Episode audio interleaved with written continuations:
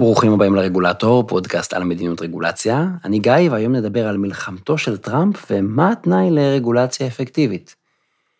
ממש כמה ימים אחרי שטראמפ הושבע כנשיא ארצות הברית, הוא חתם על צו נשיאותי שנועד להפחית את כמות הרגולציה וגם את העלויות וההשפעות שלה על המשק האמריקאי. אחת המטרות המוצהרות שלו הייתה לבטל רגולציות שהוטלו ונקבעו בתקופת הנשיא אובמה. ניתחתי את התוצאות אחרי שנה ואחרי שנתיים ושלוש, יש לינקים לזה בבלוג, ונראה שטראמפ מצליח לייצר שינוי מסוים, שכולכם זה טוב ורע, אבל חלק ניכר מהמהלכים של טראמפ נבלמו. למשל, בהליכים משפטיים, ובחלקם הוא כבר הפסיד בפסיקות של בית המשפט העליון.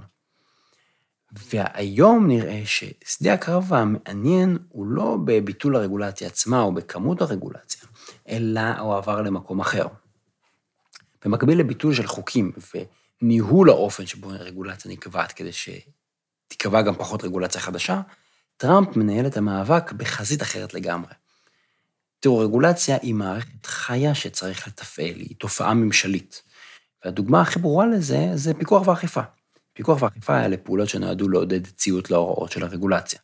וכשאין פיקוח ואכיפה, אז באופן טבעי רמת הציות יורדת, והרגולציה לא ממש משפיעה על ההתנהגות של אנשים, ואם ממש אין פיקוח ואכיפה לאורך זמן, הרגולציה הופכת לאות מתה ומתנוונת.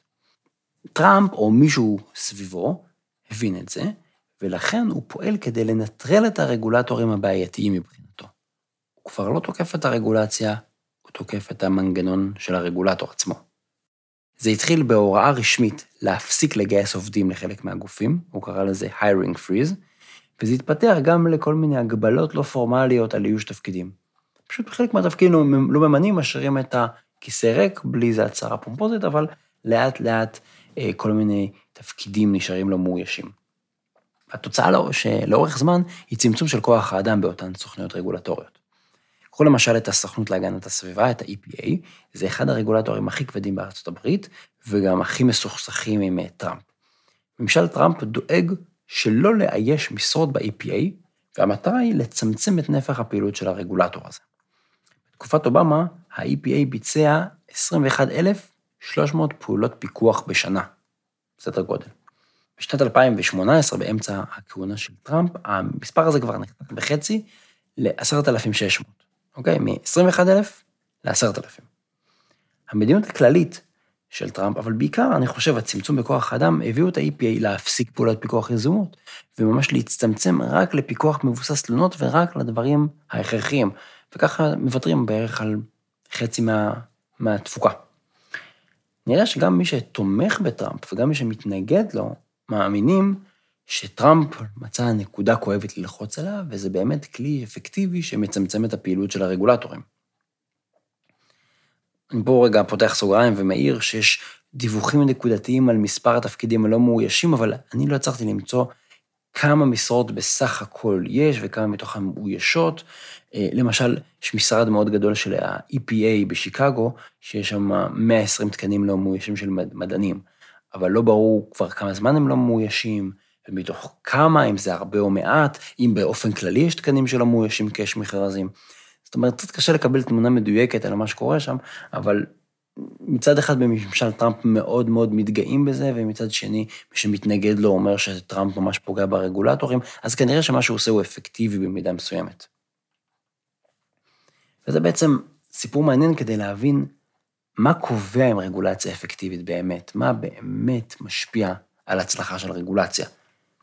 אז יש את הקלישאות. כשמישהו רוצה להראות שהוא בעד סקטור מסוים, נניח הוא בעד תעשייה מקומית, או בעד אינטרס מסוים, למשל, הוא בעד הגנת הסביבה, אז הוא יציע להעביר חוק בנושא.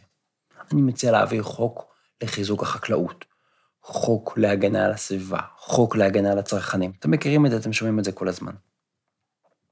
הדוגמאות לדעתי החזקות מ-2019 זה לאסור על שימוש בפלסטיק, להגביל את היבוא, לחייב רישוי של כל מיני עסקים, לתת הטבות לכל מיני עסקים.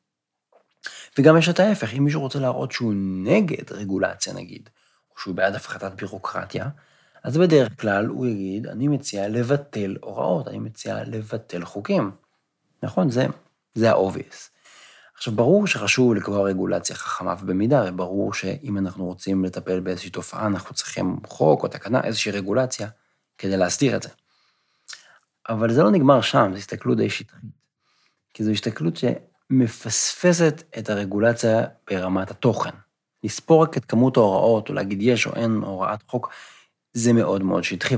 התוכן קובע אם הרגולציה תעשה את העבודה, ואם הרגולציה תועיל או תזיק. כל פעם שאני משתתף בכנס, גם בכנסים אקדמיים, גם בכנסים מקצועיים, יש לפחות דובר אחד שאומר שכדי לפתור את בעיה X, כל מה שצריך זה להעביר חוק שיטפל בבעיה הזאת. זה נשמע כל כך פשוט, וזה כל כך לא נכון.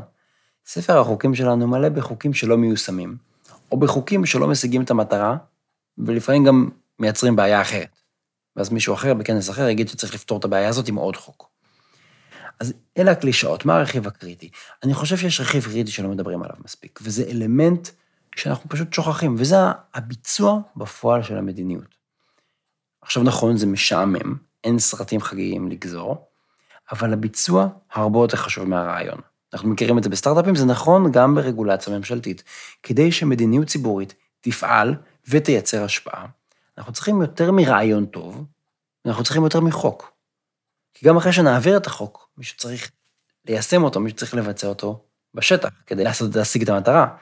ואגב, גם הביצוע בשטח צריך להיעשות בצורה איכותית, לא מספיק לכתוב את החוק הכי מדויק בעולם, צריך גם לנהל את האופרציה בשטח כמו שצריך. למשל, אה, אנחנו צריכים להסביר מה בדיוק הדרישות, כדי שהציבור יבין מה נדרש ממנו, וגם יצליח ליישם את ההוראות.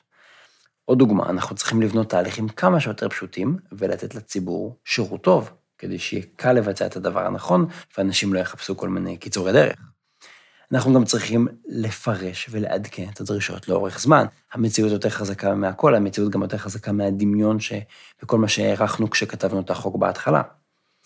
אנחנו גם צריכים לבצע מספיק פעולות פיקוח ואכיפה, לעשות אותם בצורה איכותית. למשל, לזכור שהמטרה היא לא להעניש את האנשים הרעים במרכאות כפולות, המטרה היא לעודד ציות, המטרה היא לגרום לאנשים לציית יותר להוראות ולרתום אותם.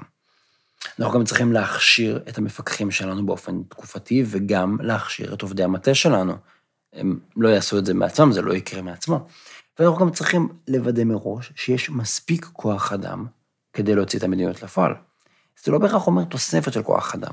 כולם רוצים עוד כוח, כולם רוצים להגדיל את האימפריה שלהם. הרבה פעמים יש כוח אדם, הוא פשוט לא מנוהל נכון, או לא מנוצל בצורה הכי אפקטיבית.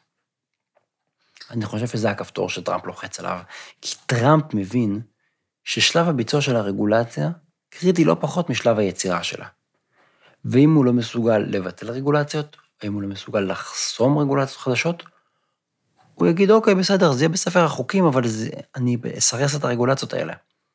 וזאת הסיבה שהוא פועל כדי להחליש את יכולת הביצוע של הרגולטורים שבעיניו הם בעייתיים. ואם תחשבו על זה, החלשת יכולת הביצוע שקולה על ידי רגולציה. זה כמובן עקום כשזה נעשה דרך החלשת האכיפה, ואני בכלל לא אומר שזה דבר נכון, אבל אנחנו צריכים להבין את הטכניקה שלו. הוא בעצם מרוקן את החוקים מתוכן דרך האכיפה. אם אנחנו רוצים ממשלה חכמה ויעילה, אנחנו צריכים לשים דגש גם על שלב הביצוע. טראמפ שם דגש על שלב הביצוע כדי לחבל ברגולציה, אבל אם אנחנו רוצים שהרגולציה תצליח, אנחנו צריכים לשים דגש על שלב הביצוע כדי שהיא תצליח. וזה אומר למשל, לדאוג להכשיר את הרגולטורים, ולקבוע רגולציה ומדיניות שהיא אה, מורכבת בתנאי הוודאות, אבל לתקן אותה עם הזמן. יש פה אתגר גדול, כן? צריך להבין, זה השוטף, זה משעמם, זה מצריך קשב מתמיד, צריך מישהו שינהל את הסיפור הזה. אבל זה חובה, כי כמו שאנחנו רואים במקרה של טראמפ, הביצוע באמת באמת קובע את מבחן התוצאה. כשהביצוע על הפנים, זה לא משנה מה כתוב בחוק. זהו, תודה שהאזנתם לעוד פרק של הרגולטור, אתם מוזמנים לעקוב אחריי בבלוג, בפייסבוק, בטוויטר. תודה רבה ליותם רוזנטל על עריכת הסאונד, התכנים משקפים את דעותיי בלבד.